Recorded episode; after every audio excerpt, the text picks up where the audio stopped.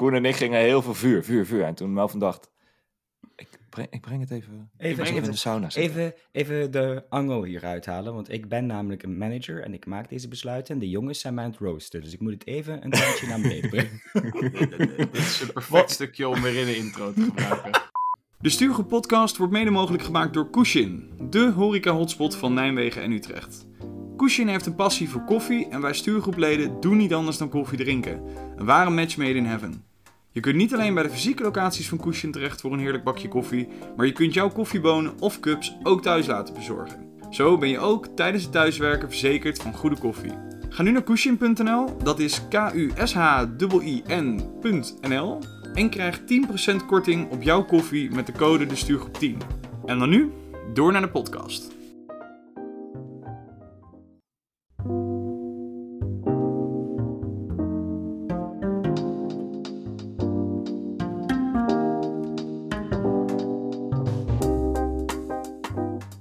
Is aflevering 52 van de Stuurgroep Podcast. Deze aflevering gaat over besluitvorming en alles wat daarbij komt kijken.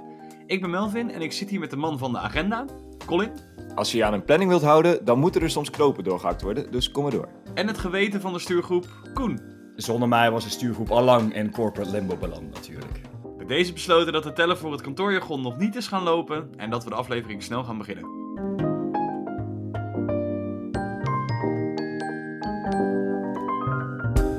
Iedere paar maanden hebben wij een belangrijk besluit te nemen. Wat doen we namelijk met de inhoud van de boetepot? Of waar gaan we naartoe om deze te legen? Melvin, kan je alvast de keuze schetsen met de huidige stand van zaken? Ja, daar kun je in ieder geval goed van eten, maar voordat we die keuze maken, even terug naar wat de boetepot inhoudt. De kantoorjargon boetepot wordt namelijk steeds aangevuld met een euro als een van ons kantoorjargon gebruikt. Wat wij allemaal onder kantoorjargon verstaan, dat is te vinden op de website www.destuurgroep.nl.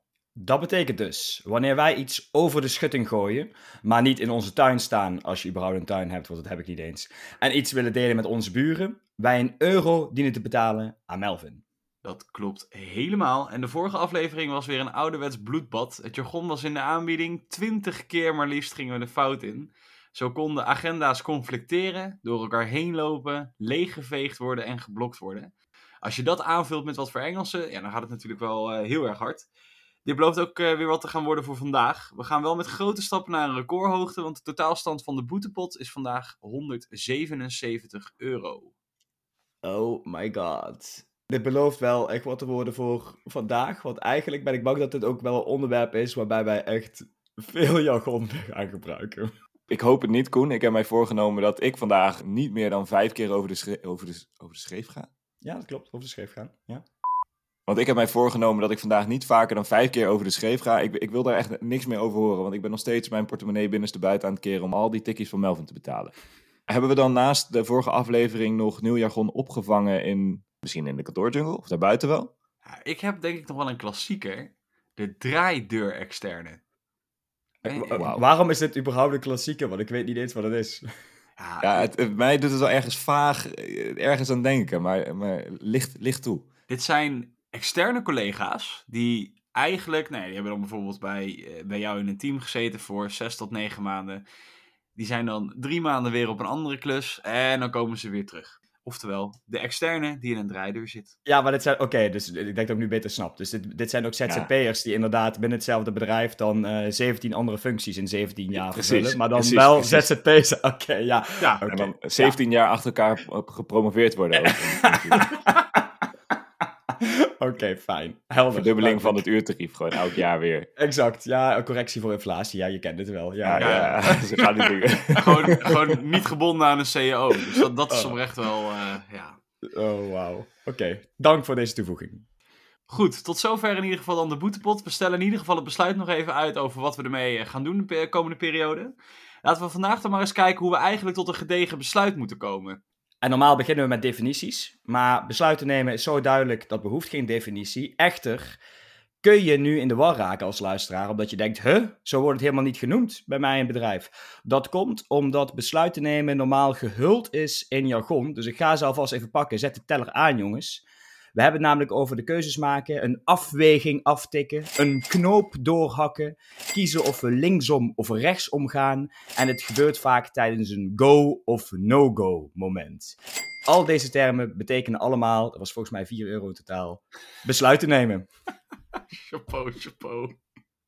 Ja, Koen, je zegt het al even. Volgens mij hebben we het in ieder geval vandaag dan over de besluiten die we nemen op kantoor, hè? De kantoorjungle besluiten. Helemaal correct. Helemaal goed. Maar voordat we dan naar de kantoorjungle gaan, wil ik toch heel eventjes bij, eh, bij huis beginnen. Want even om, eh, ook voor onze luisteraars, jullie een beetje te leren kennen, een beetje context te hebben. Wie neemt de belangrijkste besluiten bij jullie thuis? Ik wil nu zeggen wij samen, maar echt kots, kots, kots. Nee, dat gaat eigenlijk... De kleine besluiten, die neem ik. Dat zijn er veel op een dag. Dus eh, wat gaan we vanavond eten? Dan antwoord ik. Eh, de middelgrote besluiten, die worden in overleg gedaan. Dus denk aan eh middelgroot besluit. Ja, vakantie gaan overleg, dat is een goede middelgroot besluit. Maar de echt grote besluiten, dus wij krijgen een kindje, de kleur van de kinderkamer. Ja, weet je, ik, ik, mag, wel, ik mag wel iets zeggen. Dat wordt meegenomen door de ballo- ballotagecommissie. en die bestaat uit Christel, maar dat was het. Je, je, je, je, mag laten weten wat je van het genomen besluit vond. Ja, exact. exact. precies, precies. Ja, ik, ik, ik kan niet ontkennen inderdaad, Koen, bij ons thuis. Zeker voor de grote dingen. eh, Ieder heeft de sportlegging wel aan, zeg maar. Maar als het aankomt op besluiten waar we naartoe gaan op vakantie of dat soort dingen. Ja, dat doen we prima in, in, in goed overleg. Dat is, ehm, nee, daar, daar, is, daar is niet zoveel aan de hand. Melvin, bij jou dan? Bij ons gaat eh, alles in gezamenlijkheid, jongens. Alles. Alles. Alles. Echt, nee. het avondeten. Nee, ik denk dat wij, eh, eh, wij zijn allebei geen hele goede eh, eh, be- besluitnemers. Alleen op het moment, we hebben er allebei een hekel aan als het te lang duurt. Dus uiteindelijk gaat gewoon één van de twee... Oeh, ik wou... eh, ah, hij is toch al gebruikt. Dan eh, is die voor mij niet knopen hakken. Dus eh, dat, uiteindelijk gaat één van de twee doet dat wel. Gewoon omdat het anders te lang duurt. Ja, laten we deze vraag snel gewoon door, want Thuisfront is weer tevreden. On to the juicy parts. Let's go. Ja, ik zal dan niet zeggen dat ik het jullie vriendinnen ook heb gevraagd. En dat ik daarvan de terugkoppeling ook heb gekregen. Maar dat bewaar ik dan voor later. Dus dat... eh, Je mag in de bijlage. Je mag in de cry. bijlage. Ja. Zet maar, zet maar in de show notes. Zet maar in de show notes. Ja, ja, ja. Precies. Kijk of ze het mee eens waren. Goed, in ieder geval dan, eh, dan door naar de kantoorjungle. Want ja, wie nemen daar eigenlijk de belangrijke beslissingen? Als ik even kijk naar mijn eigen situatie, dan zijn dat toch wel de mensen waar de functietitel ook al kantoorjargon bevat. Je weet het wel. De managers, de stuurgroepleden, de insert kantoorjargon en dan een, een persoon daarachter. Ja, dat zijn toch wel de mensen die dan worden aangekeken als je het hebt over de belangrijke beslissingen. Ik bedoel, iedereen neemt beslissingen de hele dag door. Eh, maar de belangrijke beslissingen, ja, die worden wel toch genomen, bij ons in ieder geval, door de mensen die iets van manager in hun functietitel hebben. Ofwel projectmanager en anders wel afdelingsmanager of teamleider of dat soort, eh, dat soort dingen. Maar ik, ik wil nog wel een stapje verder gaan dan dat. Want het is goed dat je zegt de belangrijke beslissingen. Ja, alledaagse beslissingen gebeuren op wat we dan de werkvloer noemen. Tuurlijk. Individu individueel niveau, ja. Individueel niveau, misschien zelfs een beetje teamniveau. Maar de echt belangrijke zaken, eh, behalve dat er kantoorjargon in de titel moet staan van deze mensen, vind ik ook wel dat ze er eigenlijk de ballen verstand van hebben. Dus ze zitten eigenlijk, eh, hebben ze er niet mee van doen op dagelijkse basis. Dus ze Nee. snappen niet helemaal waar het om gaat. En ze zijn dan in twee minuten door zes verschillende mensen met zes verschillende meningen bijgepraat. En dan moeten ze dan, ja, een beslissing over maken. Even wat jullie beiden gebruiken, of het nou een titel is met kantoorjargon of niet, of mensen die er de ballen verstand van hebben. Wat, wat typeert dan deze mensen? Hebben die dan een soort van de, de, de ja, ik ga hem toch maar ook even gebruiken, de hiërarchische positie? Of, of zit, daar, zit er altijd mandaat bij deze mensen? Want er wordt ook natuurlijk vaak genoeg geroepen eh, dat, dat de teams zelf in staat moeten zijn om keuzes te maken. Het mandaat moet bij de mensen liggen. De verantwoordelijkheid moet lager in de organisatie liggen. Dat soort zaken. Holy shit, Melvin. Wat, wat zeg jij allemaal? Ja, nee, maar ik bedoel, weet je, dus dit is, ja, ik, ik zag Colin net al een paar keer over de scheef gaan. Ik denk, ik vind het eh, lullig voor die jongen, ik doe ook gewoon vrolijk mee. Maar dat, komt, ja, dat, dat, dat is wel een beetje tegenstrijdig met wat jullie zeggen. Dus jullie zien eigenlijk in de praktijk gebeuren dat vooral de mensen met hele fancy titels iets doen. Nou, laat ik daarop reageren. Ik snap wat jij bedoelt, Melvin, hè? Maar dan is op, hoger, eh, op een hoger niveau is al besloten binnen eh, zeg maar welke kaders die teams zelf allerlei kleine besluitjes mogen nemen. Maar dat is precies wat Koen en ik denk ik zeggen. Op het, de belangrijke besluiten, dus waarover mogen die teams en die individuen allemaal zelf hun keuzes maken. Ja, dat wordt toch echt door, in mijn ogen, die functietitel geile mensen besloten. Eh, Het gaat nog verder zelfs. Niet alleen dat, wat Melvin ook aangeeft, is namelijk dat, ja, die teams besluiten wel dingen zelf, maar die zijn allemaal vaak ook afhankelijk van elkaar. Dus die denken dan alle twee dat ze zelf een besluit mogen nemen. En dat, die nemen dan een conflicterend besluit. Het is een beetje alsof twee kinderen ruzie zijn te maken om hetzelfde speelgoed. En die moeten dan naar papa of mama gaan om te kiezen welk kind mag nu met het speelgoed gaan spelen. En Ja. dat gaat ook zo dan in de kantoorjungle. Wij komen er niet uit en dan komen we inderdaad bij de, de functie, titel, geile mensen. En die gaan dan in een soort van achterlijk Nederlands poldermodel iedereen in een tribunaal uithoren waar dan maanden overheen gaan. En daarna wordt een keer een besluit genomen over waarschijnlijk iets heel kleins. Heb ik mensen genoeg doormidden gezegd? Ja, was voldoende. Oké, dank. Klasse. Tot zover. Jullie hebben natuurlijk dan ook wel eens meegedaan aan, ja, aan, aan het traject naar een keuze toe, naar een beslissing toe. Dus eigenlijk met alle benodigde informatie bij elkaar krijgen voor iemand, een van die personen waar jullie het net over hadden, om dan uiteindelijk zo'n keuze te maken. Dus Koen, jij zei net iemand die vlak van tevoren er nog 0,0 kennis ervan heeft. Nou, die moet kennis eh, op een papiertje krijgen. Daar hebben jullie vast wel eens mee te maken gehad. Wat, wat is nodig voor dit soort mensen om tot keuzes te komen? Hetgene wat deze mensen nodig hebben, waar iedereen lekker op gaat, en het is een euro, maar ik ga hem noemen, is de business case.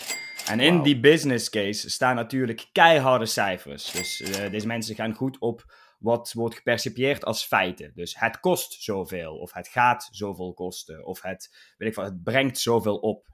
Maar daarnaast is natuurlijk ook de kantoorjungle. We willen natuurlijk ook niet te veel risico lopen. Hè? Het moet allemaal niet te spannend nee, nee. worden. Nee, nee, ik bedoel, Colin, Colin die springt meteen drie meter de lucht in. Dus Ja. ook een paar verzachtende maatregelen. Dat als wij dit gaan doen, dan geen zorgen. We hebben erover nagedacht om risico's te verzachten links en rechts. Misschien zelfs risico's te ontwijken. Nou, dat soort dingen, dat is wel ideaal voor een beslissingsbevoegd persoon om dan ook een gedegen besluit te kunnen maken. Je ziet de cijfers, wat kost het, wat levert het op, en je ziet hoe vermijden we het risico hierbij. Ja, dan kun je een besluit maken, toch? Maar Koen, het is dat jij eh, mij eigenlijk de woorden uit de mond neemt. Daar ben ik blij om, want je hebt me ook het jargon uit de mond genomen. Dank. want wat ik wilde zeggen is dat je eigenlijk die, die, besluit, die besluitennemers... Dat je, dat je die gewoon op een presenteerblaadje geeft. Alles wat ze nodig hebben om een beslissing te maken... die gewoon niet gebaseerd is op een onderbuikgevoel. Of op emotie. Of iemand die gewoon het hardst roept. En daarom ga je mee met, met die persoon die je informeert. Nee, echt dat je een rationele beslissing... Dat lijkt mij gewoon ABN en niet kantoorjargon een, een rationele beslissing kunt nemen. Maar hey, ik, ik, Koen, ik hoor jou iets zeggen over dus een business case, risicoverzachtende maatregelen. Maar die schrijf je in de aanloop naar zo'n keuze allemaal al op. Maar dan is eigenlijk gewoon de keuze al gemaakt, toch? Ik bedoel, dat schrijf je niet op met. Nou, hier zijn de feiten. Er moet altijd een conclusie bij zitten, een samenvatting, een, een voorstel, een advies. En dat, nou ja, hoe vaak wordt, daar, hoe vaak wordt daarvan afgeweken? Nou, ik denk dat het, dat het zaak is om in, in die business case die, waar Koen het over heeft, dat, dat die business case eigenlijk twee mogelijkheden bijvoorbeeld beschrijft. Van joh, je kunt linksom, dan gebeurt er dit. En dat kost zoveel geld. En je kunt rechtsom, en dan, en dan heb je minder risico, maar dat, dan is de investering bijvoorbeeld groter. En dat je eigenlijk degene die de besluiten neemt, alle nou ja, te overwegen opties meegeeft en dan neemt u een besluit. Of is in jullie geval de business case al, die heeft de keuze al gemaakt? Ja, dan, dan ben ik het met Melvin eens. Nee, nee, nee, Colin. Dus, dus wat jij zegt, dat is inderdaad wat ik bedoelde. Met één hele kleine wijziging.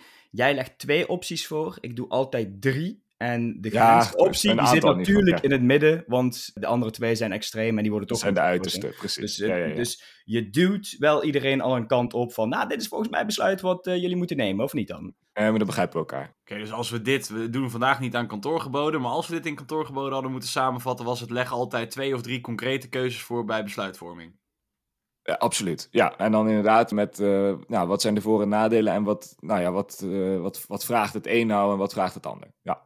Helder. Maar als jullie dit zo makkelijk kunnen vertellen, want volgens mij is met jullie eh, keuzes maken relatief makkelijk, dat kan ik uit ervaring ook wel, ook wel vertellen.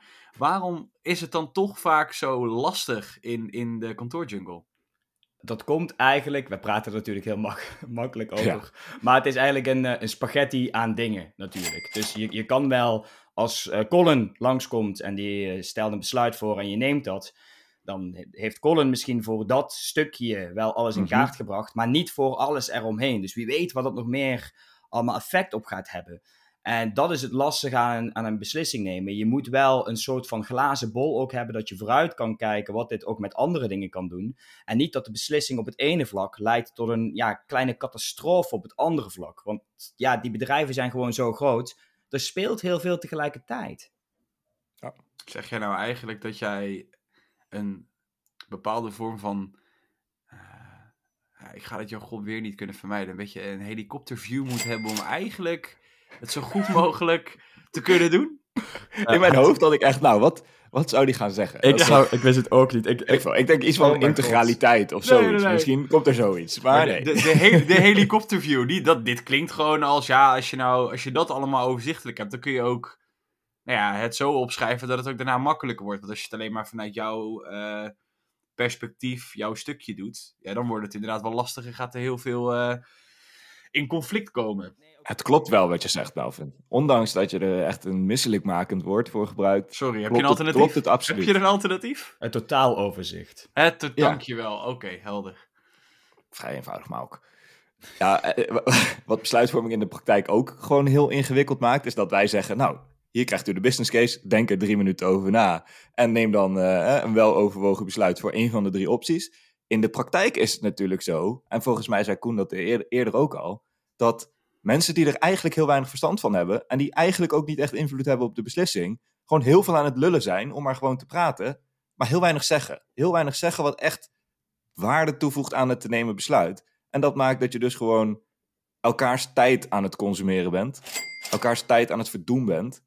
Voordat je daadwerkelijk komt tot welke optie uit dat voorstel kiezen we dan eigenlijk. laten we er ook voorop stellen, de keuze die die mensen met jargonposities maken, die, die is ook nooit goed. Er wordt altijd wat van gevonden, er wordt altijd over gezegd, want de, de uitkomst is never nooit Ja. niet goed. Ja, er staat altijd iemand klaar om te klagen over het genomen besluit, ongeacht het genomen besluit. Tu- Ja. Dat, dat is ook een soort van gebod, want gij zult, er zal altijd iemand zijn Ja. die, ja. maar, maar daarbij hoort ook wat Colin ook zegt. Er, moet ook, er gaat de hele tijd overheen. Er moet echt waanzinnig gepolderd worden. Omdat er inderdaad allemaal Koens en Collins voorbij komen. Met hun eigen business cases. Waar 9 van de 10 eigenlijk nergens op slaan. Maar je moet er wel naar luisteren. En het dan maar meenemen in je besluit. Dus ja, ja nee, dit is, dit is prachtig verwoord, Colin. tot slot van mijn kant om deze nog af te sluiten. Want jij zegt ook, hè, eh, er zijn heel veel verschillende mensen met, met hun eigen business cases. Maar wat je ook nog eens hebt, dat iedereen met een eigen belang erin zit. En als er nog eens een keer een strategie is waar duidelijk zegt welke kant je op moet, eh, waar wat het allemaal aan bijdraagt, dan heb je een soort van één ding waar je het aan kan, eh, kan ophangen. Alleen, ja, de, alle belangen die men individueel nog kan eens ophangen heeft- als, als, een, als een kapstok. eh, Ja, het is goed. Ik, Of, of eh, jezelf opknopen als er geen besluit wordt gemaakt. Kun je jezelf ophangen. Ja, oké. Ga jij, eh, Ja.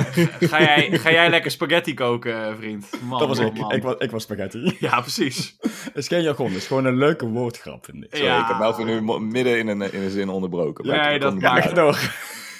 Nee, dat maakt helemaal niet uit. Maar die belangen, dat is het moeilijke. Die zie je ook nog niet eens. Je weet niet wat al die individuele belangen zijn. Dus ja, daar kan je nooit rekening mee houden. Hoe groot totaaloverzicht je ook hebt. Dus, ehm, Gedoemd om te falen, ik hoor het al. exact, exact.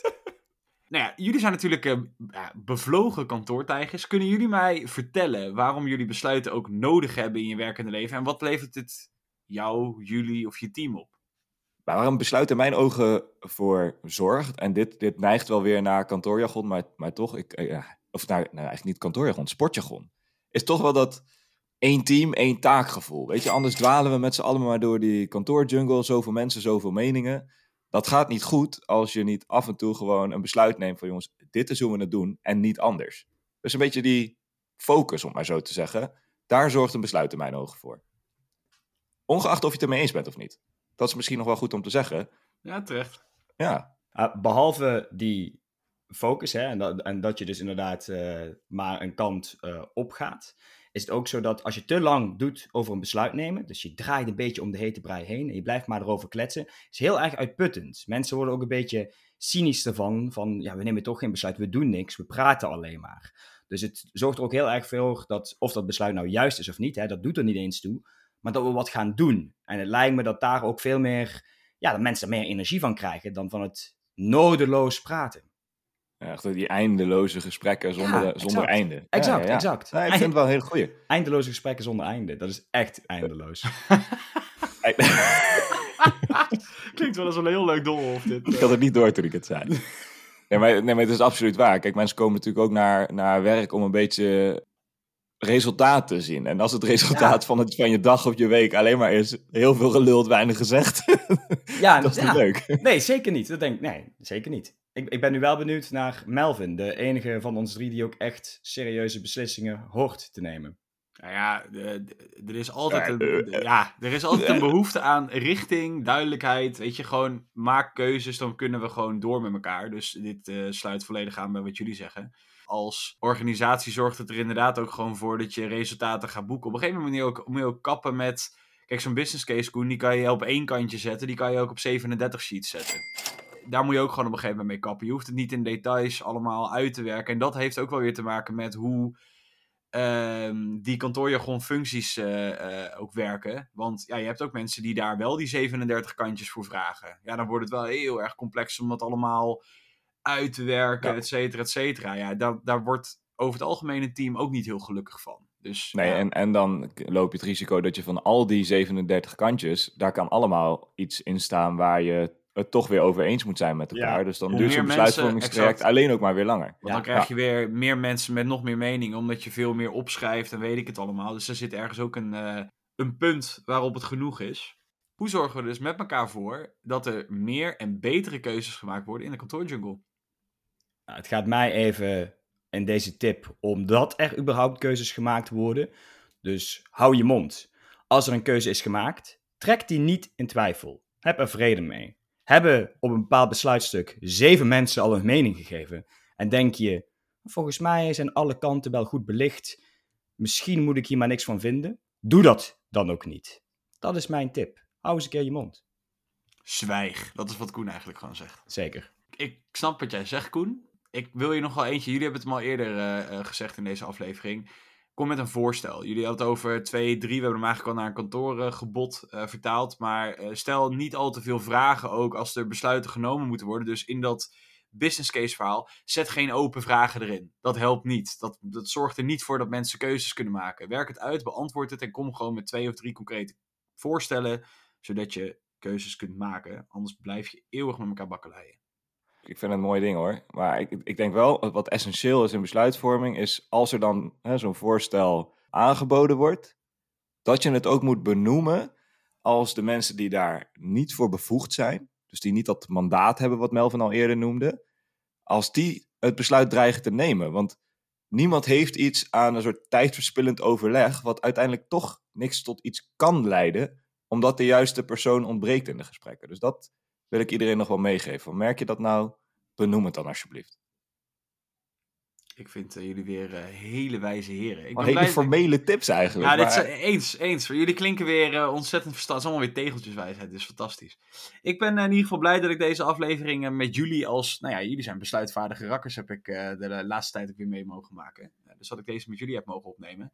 En daarnaast is het in ieder geval gelukkig ook helder wie er in het team besluiten kan nemen als het op jargon aankomt. Want hier gaan we niet democratisch over stemmen. Deze aflevering, die zat er volgens mij weer vol mee. En ondanks dat slechte voorbeeld ontvangen we graag tips en suggesties voor nieuwe afleveringen. Dan kunnen we op basis daarvan besluiten, nou ja, wat staat er dan de volgende keer op de agenda? Dus beste luisteraar, heb je nog suggesties of wil je juist een tip delen over het thema van vandaag? Laat het ons dan weten. En dat kan heel eenvoudig door een mail te sturen naar info.destuurgroep.gmail.com of neem contact op via onze social kanalen. Dan rest ons nog te melden dat wij er over twee weken weer zijn met een nieuwe aflevering van de Stuurgroep Podcast. En zojuist heb ik besloten dat wij de externe consultants eens eventjes gaan roosten. Colin, sluit jij de aflevering af? Absoluut. Voor ik dat doe, wil ik dan wel zeker weten dat daarin ook de draaideur consultant voorbij komt, of de draaideur externe. Maar vond je dit nou een toffe aflevering? Vergeet de Stuurgroep Podcast dan niet te volgen in je favoriete podcast-app. Naast de podcast plaatsen we natuurlijk regelmatig artikelen op onze website www.destuurgroep.nl. En zijn we actief op de socials. Dat is heel simpel. de Stuurgroep op Instagram en de Stuurgroep op LinkedIn. Volg ons daar, zodat je op de hoogte blijft van de nieuwste artikelen. En zodat je precies weet wanneer de volgende aflevering van de podcast online staat. Voor nu zou ik zeggen, bedankt voor het luisteren en tot over twee weken.